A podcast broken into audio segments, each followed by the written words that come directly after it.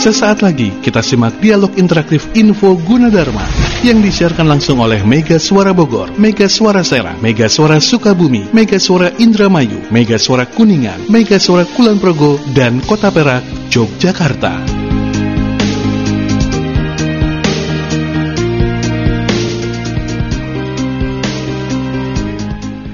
Assalamualaikum warahmatullahi wabarakatuh. Apa kabar sahabat Mega Suara? Dan juga Anda pemirsa sekalian di mana pun Anda berada. Untuk Anda sahabat Mega Suara di Bogor, Serang, Sukabumi, Kuningan, dan Indramayu Juga tak ketinggalan.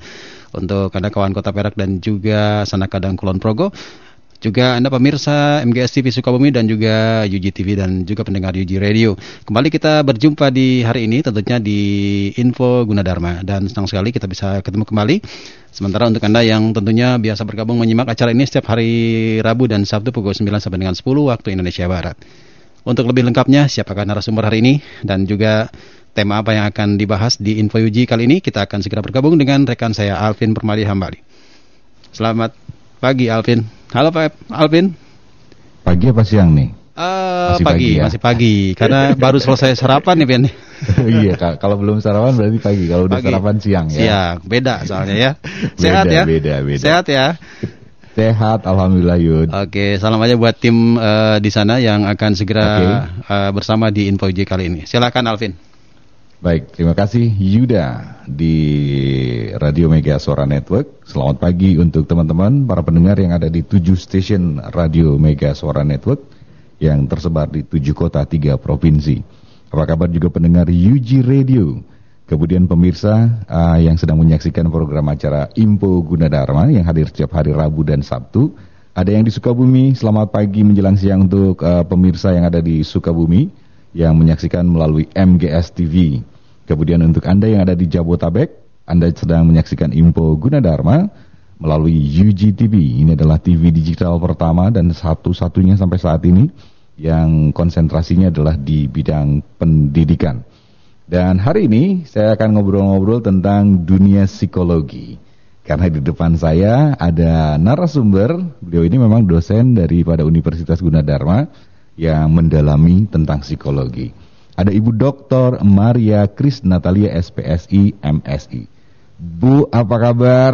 Baik, selamat pagi Mas Alfi. Sehat Bu? Sehat, Alhamdulillah. Saya pertanyaan yang pertama sama Ibu Maria. Iya, apa tuh? The, seorang psikolog itu adalah orang yang mau mendengarkan keluhan orang. Mm -hmm. Seorang psikolog itu adalah orang yang mampu dan uh, mau dan peduli dengan curhatan-curhatan orang. Bukan kepo ya, yeah, curhat yeah. ya. Bener nggak sih Bu? Uh, ya betul. Betul ya. Jadi memang uh, kita diajarkan untuk mendengarkan terlebih dahulu dibanding okay. harus uh, berucap. Hmm. Jadi memang basicnya kami adalah uh, mendengarkan ceritanya orang hmm. dan terkadang mereka pun bisa menjawab hmm. dari masalahnya itu ya dari uh, atas keluhannya dia sendiri. Gitu.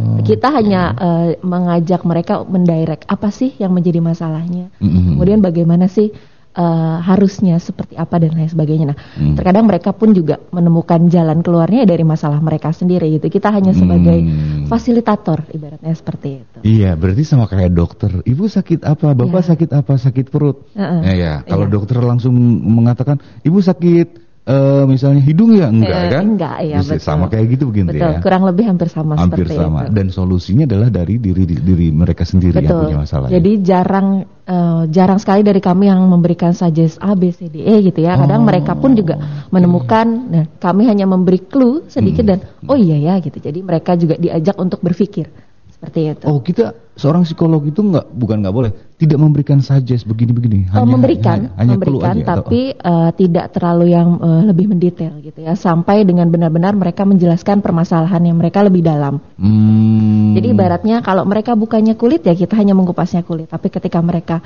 sampai melebih dalam ya baru kita lebih suggest lebih dalam lagi. Dan itu juga nggak bisa satu kali pertemuan, ah, ya. jadi bener. harus beberapa kali intensitasnya gitu. Iya. hanya sekali seperti ini. Iya, saya juga pernah nonton film apa ya. Ternyata yeah. memang oh hari ini saya nggak bisa karena hari ini ada konsultasi dengan psikolog yeah. dan itu ternyata rutin ya. Betul, harus rutin sekali. Biasanya hmm. seminggu sekali untuk uh, ketemu dengan kita gitu supaya tahu apa sih masalahnya mereka seperti itu. Oke. Okay. Nah, kalau boleh tahu nih Bu hmm. uh, Maria, Dari tahun ke tahun permasalahan uh, kehidupan orang orang-orang itu beda.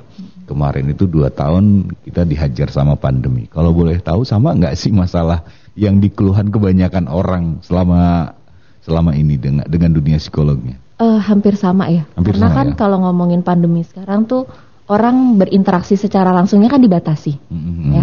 Jadi itu yang menjadi uh, masalah bagi mereka ketika on, terkadang mereka saat online tuh lebih uh, ceria gitu ya, lebih mm. Uh, membuka dirinya. Tapi ketika tetap uh, langsung seperti itu, mereka mm. uh, lebih menutup diri mereka. Gitu. Jadi okay. itu yang sedikit menjadi permasalahan. Apa sih yang menyebabkan? Dan terkadang mereka juga dengan situasi pandemi seperti ini lebih banyak merasa kayak kesepian. Hmm. Susah untuk berinteraksi dengan orang lain karena ya terkadang mereka sudah kecanduan dengan gadgetnya, laptopnya dan lain sebagainya. Itu di dunia maya mereka lebih uh, fokus ketimbang ketemu langsung seperti ini. Hampir sama permasalahannya. Jadi ketika pandemi malah lebih uh, banyak lagi yang mengalami hal mm. seperti itu. Seorang psikolog seperti Bu Maria memang uh, harus atau memang hobinya atau mungkin beda-beda kali ya.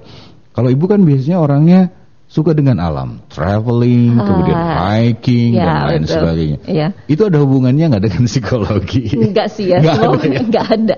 Semua balik lagi sama orangnya sih. Iya, ya. iya, iya, Kalau iya. saya ya lebih suka mendekatkan diri dengan alam gitu ya. Dan uh, apa namanya kuliner pun juga uh, lebih saya uh, sukai gitu ya, di mana tempat baru ya kita nongkrong bareng untuk ngobrol. Hmm. Nah, fungsinya uh, saya sih lebih suka ketemu dengan orang secara langsung ya, ketimbang hmm. dengan uh, gadget kita masing-masing karena ketika kita ngobrol dengan orang langsung seperti ini, saya bisa melihat nih hmm. mimiknya seperti apa, apakah mereka suka dengan obrolan saat ini atau bahkan enggak gitu. Oh. Hal seperti itu yang saya lebih suka sih. Iya, tapi kan banyak juga begini ya Bu. Hmm. Saya jadi senang nih ngomong masalah mimik. mimik orang ini orangnya baik, ya. mimik orang ini orangnya keras, hmm. uh, orangnya pendiam dan lain sebagainya. Tapi kan tiap hari itu atau tiap waktu tuh mereka berubah. Hmm. Itu pengaruh nggak Bu sih? Ada beberapa hal yang memang uh, itu sudah tertanam dari dirinya. Oh, Misalnya yes. uh, saya gitu ya, contohnya uh, saya. Uh. Saya uh, jujur adalah orang yang uh, pendiam. Tapi uh. ketika ketemu dengan orang yang baru atau uh, dengan orang yang sudah saya kenal, itu saya akan cenderung lebih ceria gitu. Kebalikan dengan diri saya sebelumnya. Gitu. Oh. Jadi ada satu sisi memang kita yang pendiam, mm. tapi di satu sisi kita bisa untuk uh, berinteraksi dengan orang lain itu agak lebih uh, ceria gitu ketimbang kita. It's mean depend uh, beberapa situasi dan beberapa orang yang kita hadapi ya betul, Bu ya. Betul, Itu amat sangat berpengaruh terhadap diri kita sendiri. Artinya memang psikologi itu uh, psikologi manusia itu orang-orang itu akan berubah-berubah pada saat momen-momen uh, tertentu kali ya. Mm -mm. Tapi originalnya tetap tidak berubah, tidak hilang. Tidak berubah ya. ya makanya kan uh, kebetulan saya mengajar psikologi kepribadian nih. Hmm. Kalau kita ngomongin kepribadian itu kan sebenarnya adaptability-nya, bagaimana dia beradaptasi dengan lingkungan. Hmm. Contoh ketika saya ketemu sama Mas Alvin hari ini, hmm. harus seperti apa nih saya ngobrol dengan okay. lingkungan yang ada seperti ini harus seperti apa gitu. oh, gitu. Jadi, jadi ngomongin soal ya. adaptability-nya itu ya, adap adaptasinya kita terhadap lingkungan sekitar. Oh, iya gitu. iya, iya.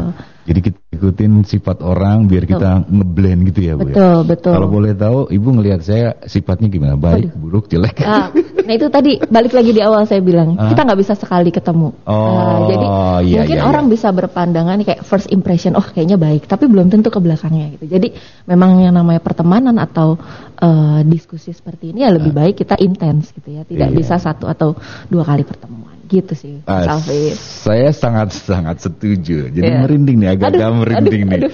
karena memang bener ya bu ya yeah. untuk misalnya ini, yeah. ini ini masalah keluarga pacaran atau suami mm -hmm. istri mm -hmm. itu nggak bisa langsung harus nikah sekarang nggak? Betul. Karena betul. kita nggak tahu daleman-daleman ya, mereka. Iya, ibaratnya seperti itu. Gitu. Jadi sekali ketemu, oh ternyata uh, Bu Maria itu kalau misalnya sama misalnya kita pacaran, ya, ya. Bu Maria ini hobinya jalan. Ya. Oh, besoknya ternyata berubah, ya. orangnya pelit dan lain ya, sebagainya ya, begitu. Ya. Betul betul. Makanya kan kadang orang suka memberikan pertama kali itu harus yang baik-baiknya dulu.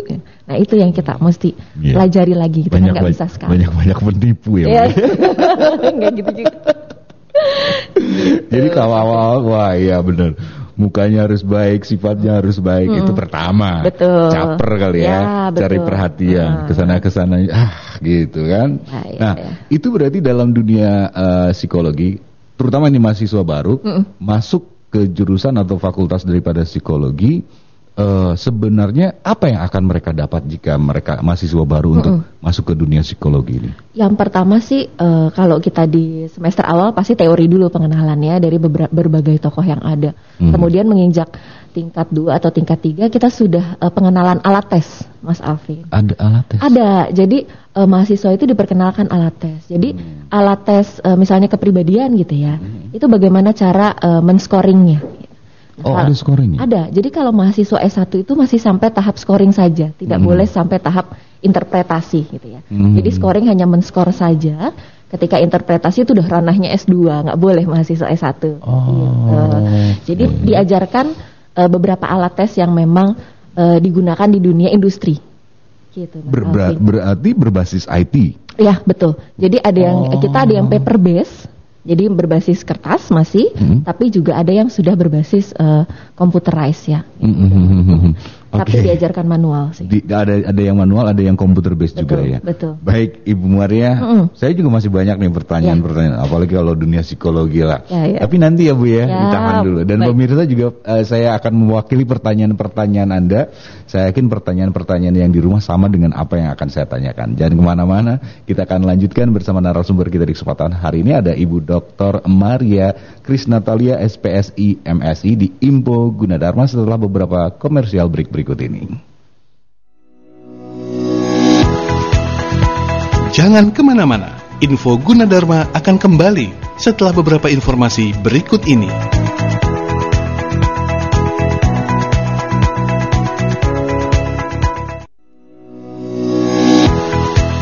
Kita kembali di info Gunadarma.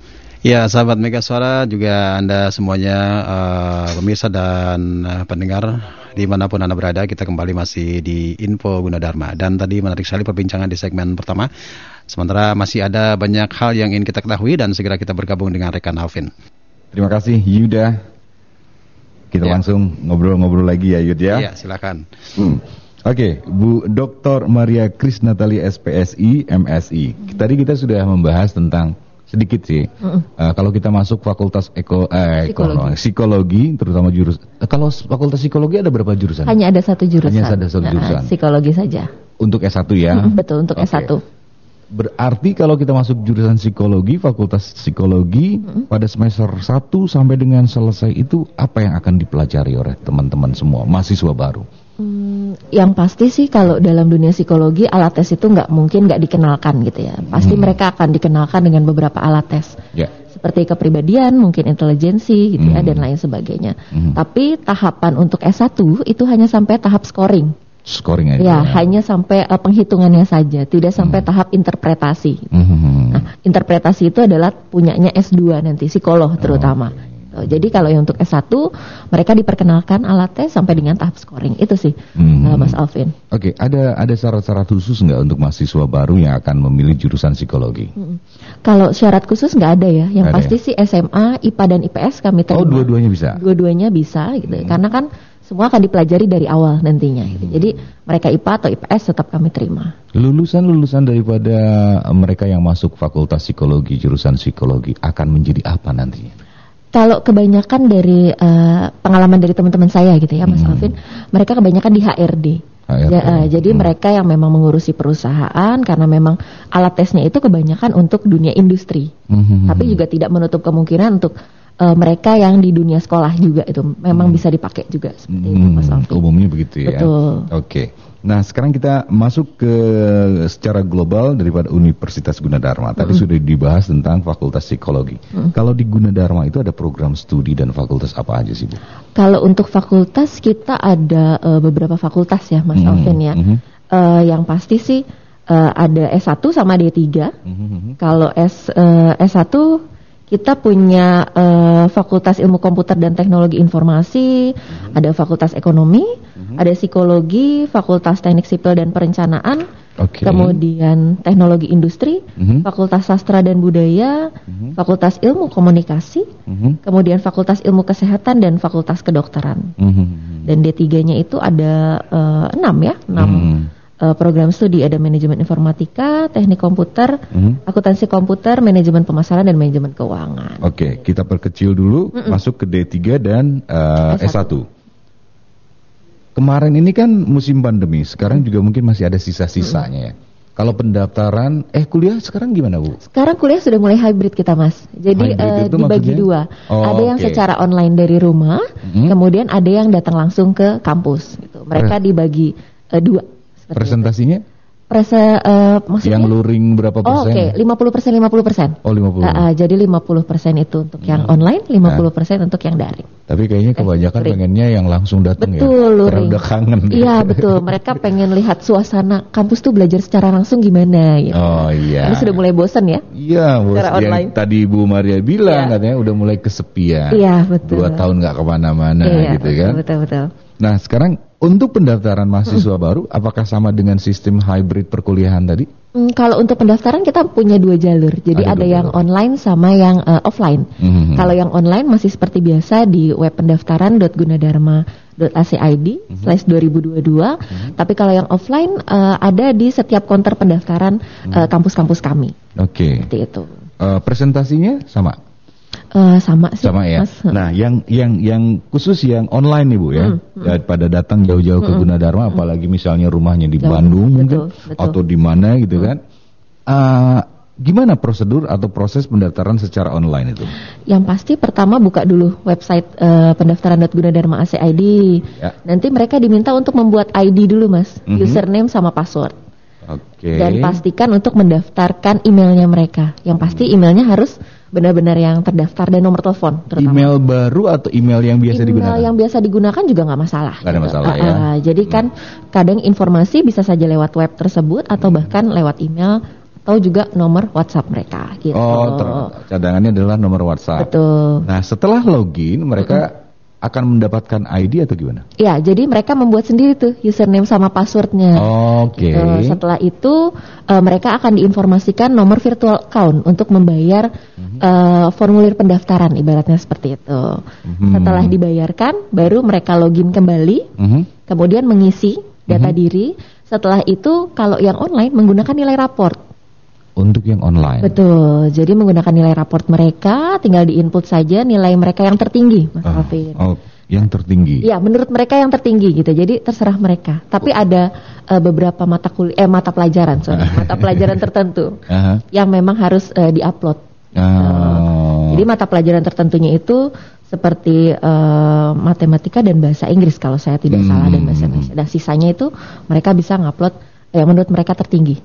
Kalau misalnya ya kalau nggak tinggi juga tetap harus dimasukkan. Betul, ya? betul, harus dimasukkan. Nah, fung, fungsi daripada nilai tertinggi dan misalnya nilai biasa-biasa itu berarti ada maksud dan tujuan dong ya. Uh, kita mau melihat dari oh, uh, apa ya range-nya. Jadi kita ada oh, iya, iya, ya, iya. ada AA, A sama B. Oh, grade-nya. Uh, grade-nya betul. Grade Jadi, itu fungsinya untuk untuk uh, rincian pembayarannya sih ya, Mas Alvin. Oh, diskon. Lebih ke arah sana betul, potongan biayanya ya. Hmm, itu dimasukin secara manual atau harus di-upload juga uh, buku rapotnya? Ya, jadi manual dulu. Setelah itu kita butuh bukti dong untuk verifikasi. Oh, iya, jadi iya, iya. butuh scan dari nilai raport tersebut. Hmm, nah, mereka ini sudah mengisi formulir, biasanya harus menyertakan attachment-attachment seperti yang lain-lain yang tadi Betul, betul. Ada okay. foto seperti biasa ya kan mm -hmm. butuh foto juga KTP. Mm -hmm. Kalau misalnya belum punya KTP kan ada surat keterangan atau dari kakaknya, mm -hmm. kartu keluarga. Okay. Nah kemudian nilai raport itu tadi yang mm -hmm. sudah mereka input manual. Mm -hmm. Setelah itu nanti tunggu aja kurang lebih maksimal dua minggu, tapi terkadang cepat tiga empat hari juga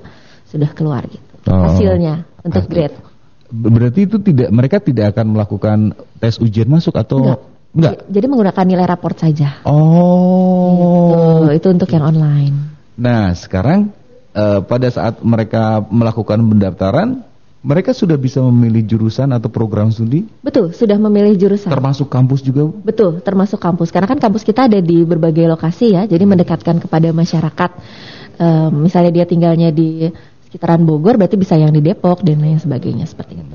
Oke. Okay. Jadi bisa milih. Kebanyakan dari yang mahasiswa baru dari tahun ke tahun ya pendaftaran secara online uh, apa yang mereka biasanya gagal untuk masalah pendaftaran atau masalah formulir dan lain sebagainya? Hmm, terkadang cara penguploadannya mas. Jadi kami okay. minta uh, ekstensinya misalnya itu yang paling simpel, JPG misalnya. Tapi hmm. ekstensinya mereka adalah JPEG. Nah itu yang selalu muncul di live chat kami. Jadi ketika mereka punya masalah. Mereka bingung untuk bertanya ke mana gitu ya. Di web tersebut sudah tersedia namanya live chat. Ketika live online chat. langsung mereka tanyakan langsung. Seperti Tapi itu. secara otomatis akan diberitahukan kepada mahasiswa yang hmm. melakukan pendaftaran online bahwasanya anda gagal. Hmm, di situ di uh, aplikasinya atau di webnya langsung muncul tidak bisa diupload. Seperti ada keterangan kenapa kenapanya nggak bu? Uh, nggak ada sih. Gak ada. Tapi sebenarnya ketika mereka mau mengupload itu ada tulisan ekstensinya mas. Oh. Kadang mereka tidak memperhatikan itu. Gitu.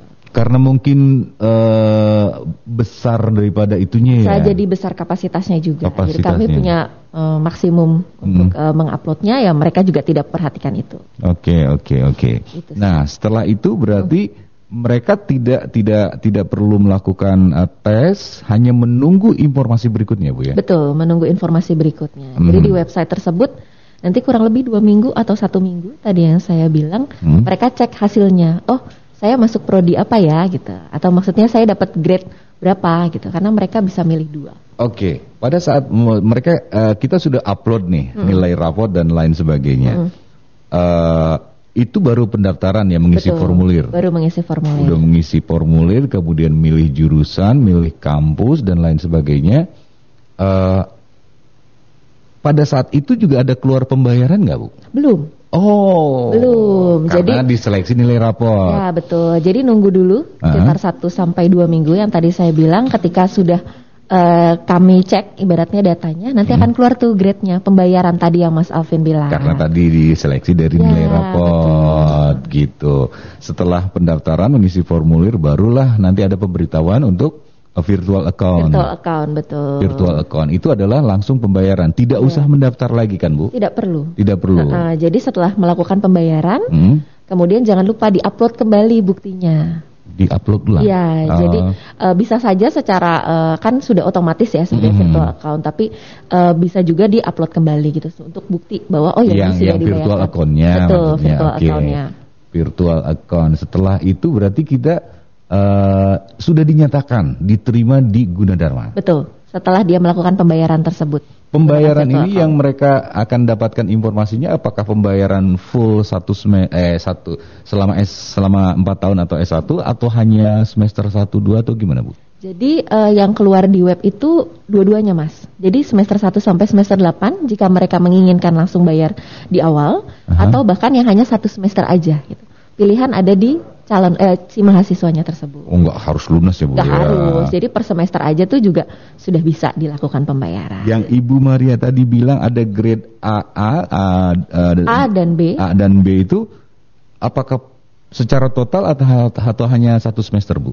Secara total, Mas. Oh. Secara total. Jadi memang uh, itu sudah secara total dan tiap semester pun juga mereka ada kelihatan grade-nya apa. Potongannya itu juga keluar setiap semester itu baru awal ya karena hmm. nilai bagus. Tapi kalau misalnya dia jadi mahasiswa dan terus berprestasi nilainya ada perhatian khusus lagi. Ada perhatian khusus lagi. Oke, okay, baik. Itu adalah tahap-tahap daripada proses pendaftaran. Betul. Sudah menentukan uh, jurusan atau program studi, hmm. sudah mem membayar uh, melalui virtual account. Hmm.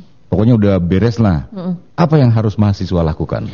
Setelah melakukan pembayaran gitu ya, nanti kita ada tahap selanjutnya tuh ada pengenalan program studi biasanya. Oh, gitu. okay. Jadi mereka ha, sebelum pengenalan program studi ada yang namanya daftar ulang. Sorry Mas Alvin. Oh daftar ulang. Daftar ulang. Dah daftar ulang ini ngapain? Itu tadi ngupload uh, bukti pembayaran yang sudah dibayarkan. Hmm. Misalnya ijazah atau SKHUN-nya sudah selesai atau hmm. sudah keluar dari sekolah bisa juga diupload di web tersebut. Gitu. Itu adalah proses daftar ulang. Pendaftaran ulang. Ya, setelah itu baru mereka dapat jadwal untuk pengenalan program studi. Oke. Okay pada saat nanti uh, ini kan baru istilahnya apa ya fotokopian atau mungkin mm. uh, berkas-berkas aja. Mm. Pihak Gunadarma untuk mahasiswa baru meminta yang asli nggak bu? Uh, hanya bukti scannya saja bukti dan legalisir. Oh, hanya scan saja ya? Ya, Nggak dan harus... legalisir juga ada, Mas. Nggak harus aslinya yang kita simpan gitu ya. Uh, Karena aslinya memang mereka simpan. Paling kita fotokopi legalisir aja. Oh, jadi gitu. paperless juga ya. Betul, okay. betul. Pendaftaran ulang, pendaftaran ulang, pendaftaran ulang prosesnya nggak terlalu lama Gak, kan? Sebentar aja sih, ya itu tadi tinggal upload-upload saja berkasnya. Oke, setelah pendaftaran ulang berarti kita tinggal menunggu jadwal kuliah. Eh belum deh tadi belum, pengenalan. Pengenalan ya. program studi dulu. Oke. Jadi bisa itu fakultas, hmm. jadi eh, maksudnya perguruan tinggi maaf, perguruan tinggi baru nanti yang fakultas. Jadi dua kali mereka lakukan. Maksudnya dua kali? Jadi yang pengenalan uh, pengenalan Gunadarma secara umum, nanti uh. kemudian mereka program studinya apa nih? Misalnya psikologi, hmm. nanti akan dikenalkan. Nanti secara garis besar psikologi itu belajarnya seperti apa? Seperti tadi kita ngobrol oh, aja iya, mas. Iya, iya. Jadi mengenalkan supaya mereka apa punya bayangan. Hmm. Ngapain sih nanti saya selama uh, eh, 8 semester ini belajar uh, di uh, jurusan saya gitu. Oke. Okay. Baru setelah itu hmm. jadwal kuliah keluar. Jadwal kuliah keluar. Ya. Oke. Okay. Berarti itu adalah tahap-tahap atau proses-proses daripada uh, pendaftaran secara online. Ya. Kalau yang langsung? Kalau yang langsung hampir sama, cuman sama bedanya ya. uh, dia datang ke counter pendaftaran uh, di Depok ada yang di Margunda sama di Kelapa Dua Depok hmm. atau di kampus F4. Tinggal datang aja, biasanya beli formulir.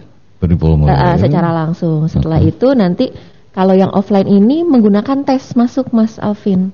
Oh. Gitu. Jadi nanti ada jadwalnya. Semua pilihan ada di tangan calon mahasiswa sebenarnya. Itu bedanya. Ya, itu bedanya. Tes masuk ini rame-rame apa dia sendiri pada saat pendaftaran, Bu? Nanti rame-rame, Mas. Kita punya jadwalnya. Oh, Jadi ada misalnya, oh, jadwal. Uh, di akhir minggu gitu ya, di setiap Sabtu nanti ada jadwalnya. Oke, oke, oke. Untuk gitu. yang jadi, offline. Yang offline. Mereka tidak tidak harus membawa rapot atau gimana? Mm -mm. Jadi sebenarnya pas datang ditawarin mau yang online atau yang offline gitu ya. Uh. Selalu kalau mau yang online silahkan tapi ngunggah rapot tapi ketika offline nanti akan ada tes masuk. Kalau menurut Bu Maria, hmm. mana yang lebih enak? Kalau saya sih lebih enak online aja ya. Setuju. Iya, karena iya. nggak makan waktu banyak. Bener, nggak usah tes, ya. kemudian datang ke sini juga ya, perlu. Betul. Cuman kalau mau lihat-lihat doang sih nggak apa-apa. Oh, ya. kampusnya begini, ya. tempatnya di sini, gitu. Ya. Turunnya di stasiun ini, ya. naik angkotnya ini, gitu ya bu ya. Iya betul betul. Oke, setelah itu pengenalan pengenalan mahasiswa, eh pengenalan kampus secara hmm. global, kemudian pengenalan pengenalan uh, program studi. Pada saat itu, apakah ada kesempatan untuk mahasiswa setelah dikenalin misalnya nih ya, hmm. ya, misalnya uh, oh ternyata psikologi itu berat ya, uh-uh. pengen pindah jurusan apa? bisa nggak tuh? lagi kuliah belum mulai, uh, setahu saya bisa pindah. Okay. Tapi itu hanya dikasih kesempatan satu kali, Mas Alvin.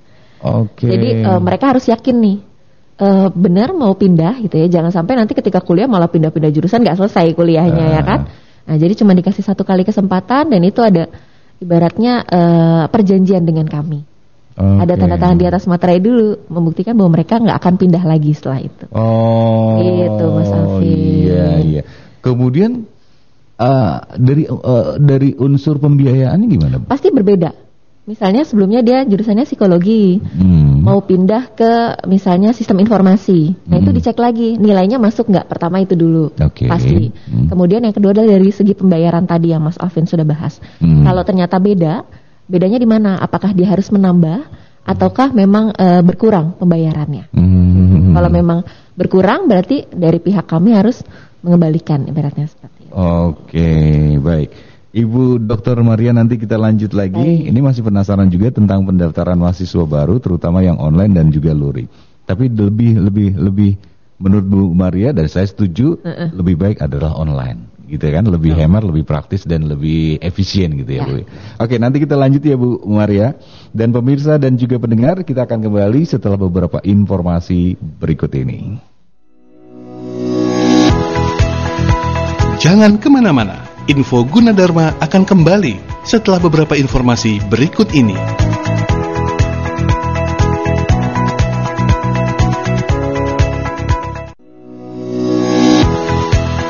Kita kembali di Info Gunadarma.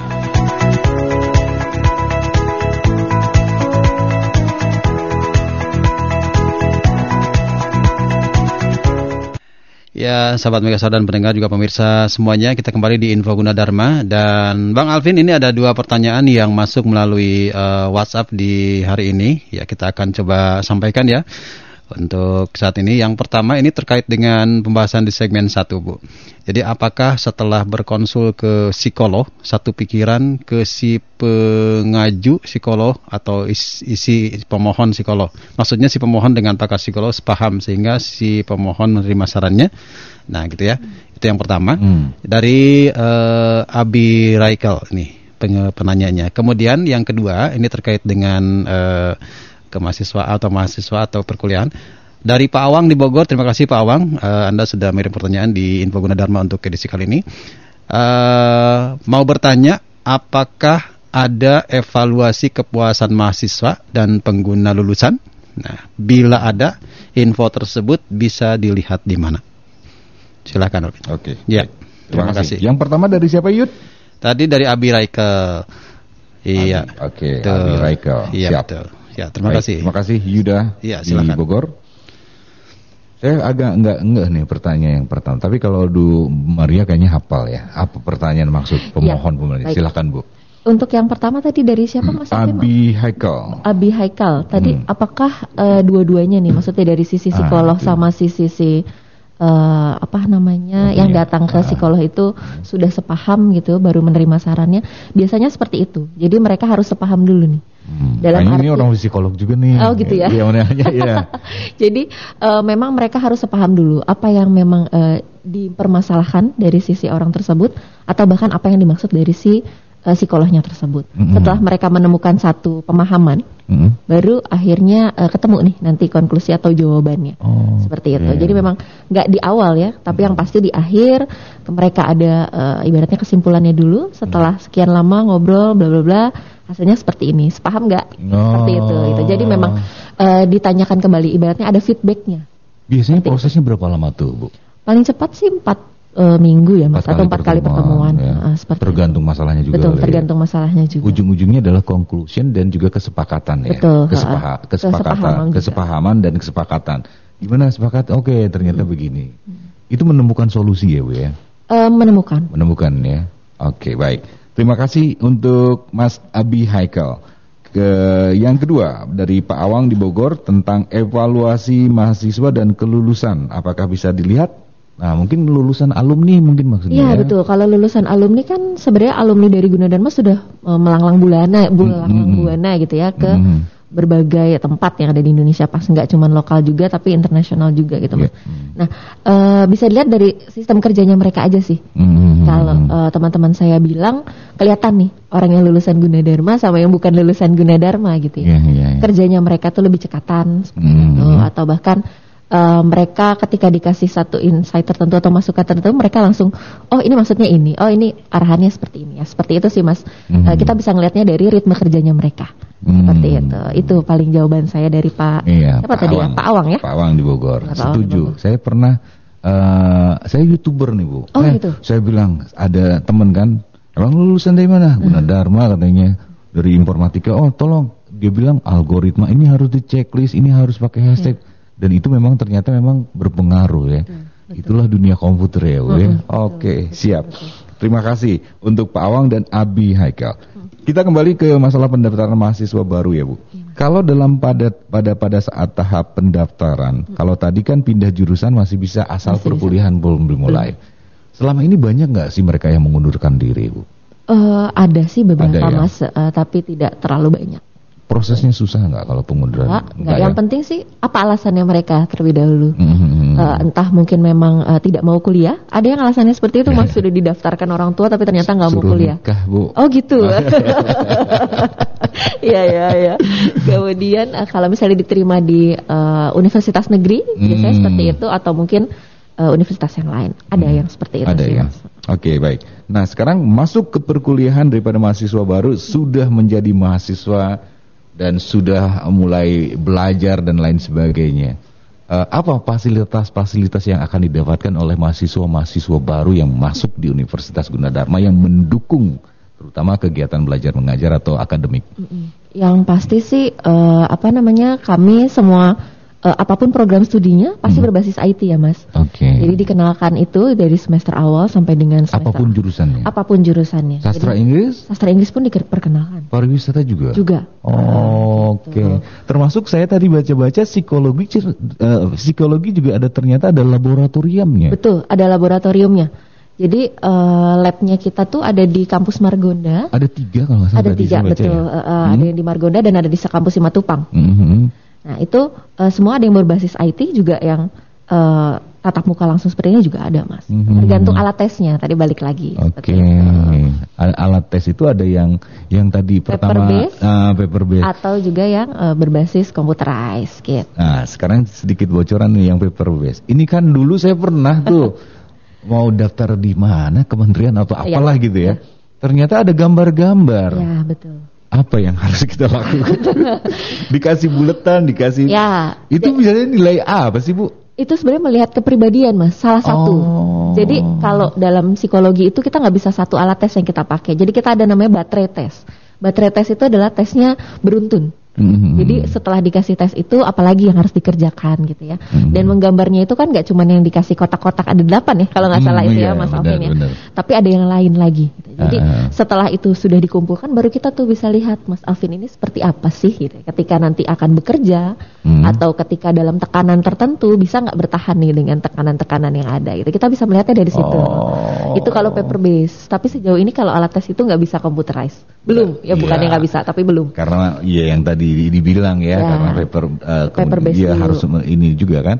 Karena uh, misalnya dikasih kotak coba kamu gambar rumah betul. atau gambar binatang betul. ternyata beda-beda kan beda-beda betul iya betul betul ya, betul ya. bukan berarti kita harus pintar ngegambar kan tidak Bu? tidak tidak harus karena memang tidak dituntut ya yang penting apa e, bentuk gambarnya tuh seperti apa nanti ada skornya tertentu gitu oke okay. gitu. siap siap kembali ke mahasiswa ya. tentang uh, kegiatan belajar mengajar ya. di mahasiswa nah selain fasilitas-fasilitas yang tadi Ibu uh, Maria jelaskan ada nggak kegiatan-kegiatan lain uh, untuk mahasiswa yang menampung misalnya Bu Maria kan hobinya hiking, jalan-jalan, naik gunung, uh, traveling dan lain sebagainya. Ibu Nadarma ada nggak? Ada uh, eh, UKM ya, unit kegiatan mahasiswa. Hmm. Jadi uh, kita ada banyak, ada bulu tangkis, tahu saya ada futsal, hmm. kemudian uh, apa namanya pecinta alam, Oke. Okay. taekwondo juga ada, catur dan lain sebagainya banyak sih ya mas. Jadi hmm. benar-benar memfasilitasi mahasiswa dengan uh, berbagai fasilitas yang ada gitu ya. Sport center kita juga punya. Mm-hmm. Seperti itu. Itu Mas Alvin. UKM itu digarap eh digarap, di manage secara serius nggak Bu? Iya. Artinya misalnya kita ikutan basket. Mm-mm.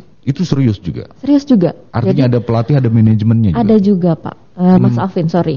Jadi mm. uh, mereka juga bisa ikut uh, kejuaraan nasional Oh, ada juga yang seperti itu gitu ya. Tadi kan Mas Alvin sempat bahas di awal, hmm. apakah ada nih ketika mereka punya prestasi-prestasi tertentu, jadi nggak hanya akademik, oh. tapi juga yang non akademik. Iya iya. Kalau misalnya akademiknya kurang, misalnya uh, eh, IP-nya di bawah tiga, tapi kalau non akademiknya bagus, tetap diperhatikan. Tetap dulu. diperhatikan. Apalagi kalau udah skala nasional. Betul betul. Oke. Okay. Se uh, sekarang ini uh, Universitas Gunadarma sudah nggak melakukan kerjasama kerjasama yang tadi tadi soalnya ibu nyindir tentang nasional dan internasional. Hmm. Kalau Gunadarma sudah nggak melakukan kerjasama kerjasama baik nasional dengan internasional? Sudah banyak ya Mas hmm. Alvin ya. Jadi uh, di luar kita kan juga dengan Uzbek ya kalau saya tidak salah hmm. kerjasama di sana. Kemudian uh, di Indonesia dengan berbagai kementerian yang ada. Hmm. Kemarin juga sempat saat pandemi Roboven ya kalau saya nggak okay. salah membantu uh, Kementerian Kesehatan. Hmm. Nah, jadi berbagai macam kerjasama sudah dilakukan sama Gunadarma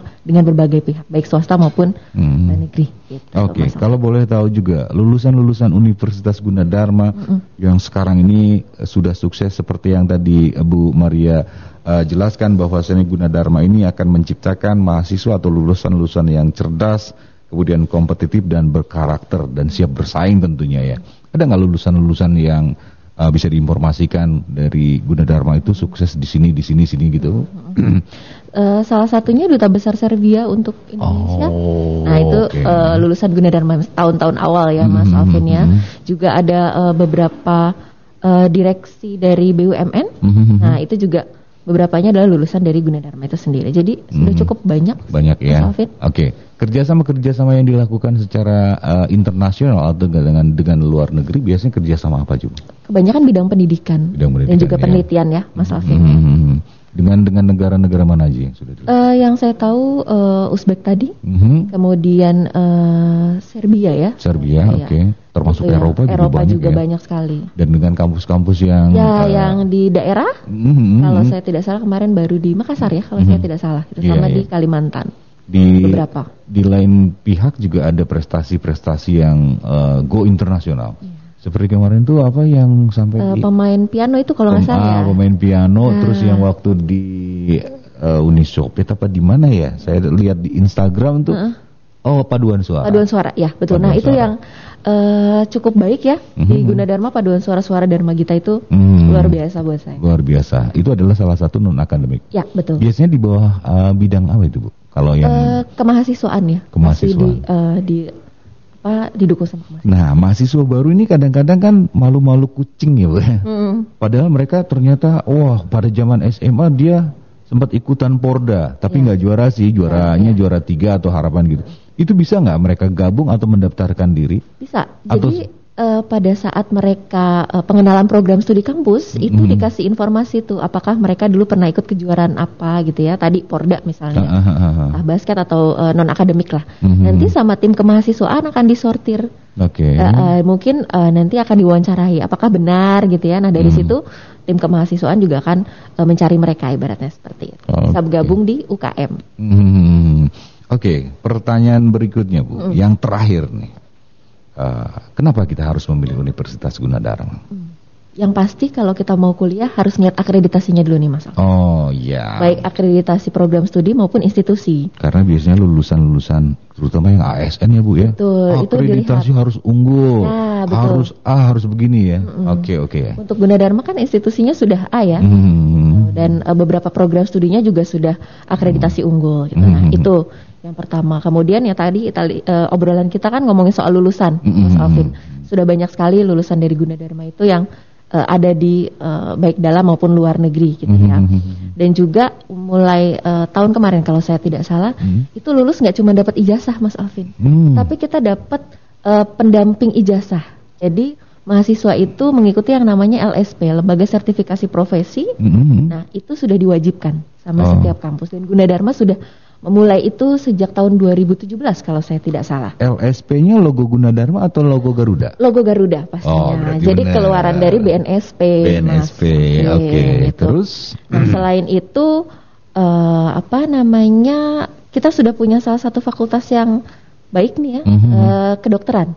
Oh iya, uh, sudah muncul di tahun 2018 ya, mm -hmm. dan akreditasinya juga sudah B kalau saya sudah tidak B. salah okay. ya. Mm -hmm. Dan Gunadarma punya rumah sakit, mm -hmm. Gunadarma Medica Hospital. Hmm, itu adalah khusus untuk fakultas, fakultas kedokteran. kedokteran betul. Baru baru baru hadir tapi sudah mendapatkan akreditasi mm -hmm. B. B. Dan satu lagi Mas Alvin. Apa tuh? Kita tuh berbasis IT. Berbasis. Jadi mau apa pun program studinya, pasti berbasis IT. Artinya bahwasannya karena sekarang dunianya dulu dunia dunia digital, jadi semua harus mengetahui tentang IT. Ah, makanya kemarin-kemarin yang ibu-ibunya gaptek tentang dengan handphone, gara-gara uh -uh. daring semuanya jadi belajar, belajar. tentang.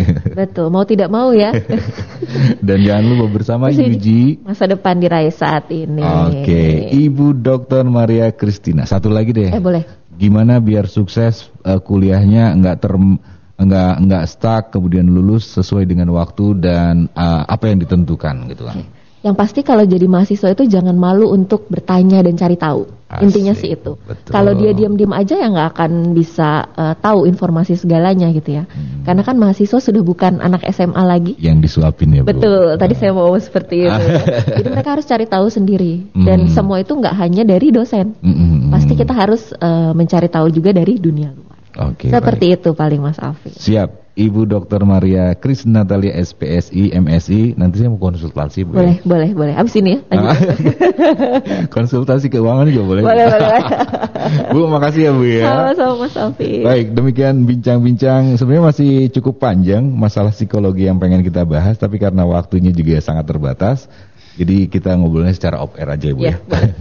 Baik, kita kembalikan kepada rekan Yuda dan teman-teman di Mega Suara Network. Ya, silakan Yuda. Terima kasih Alvin, silakan langsung berkonsultasi ya. Oke, jangan ke mana-mana jadi Anda.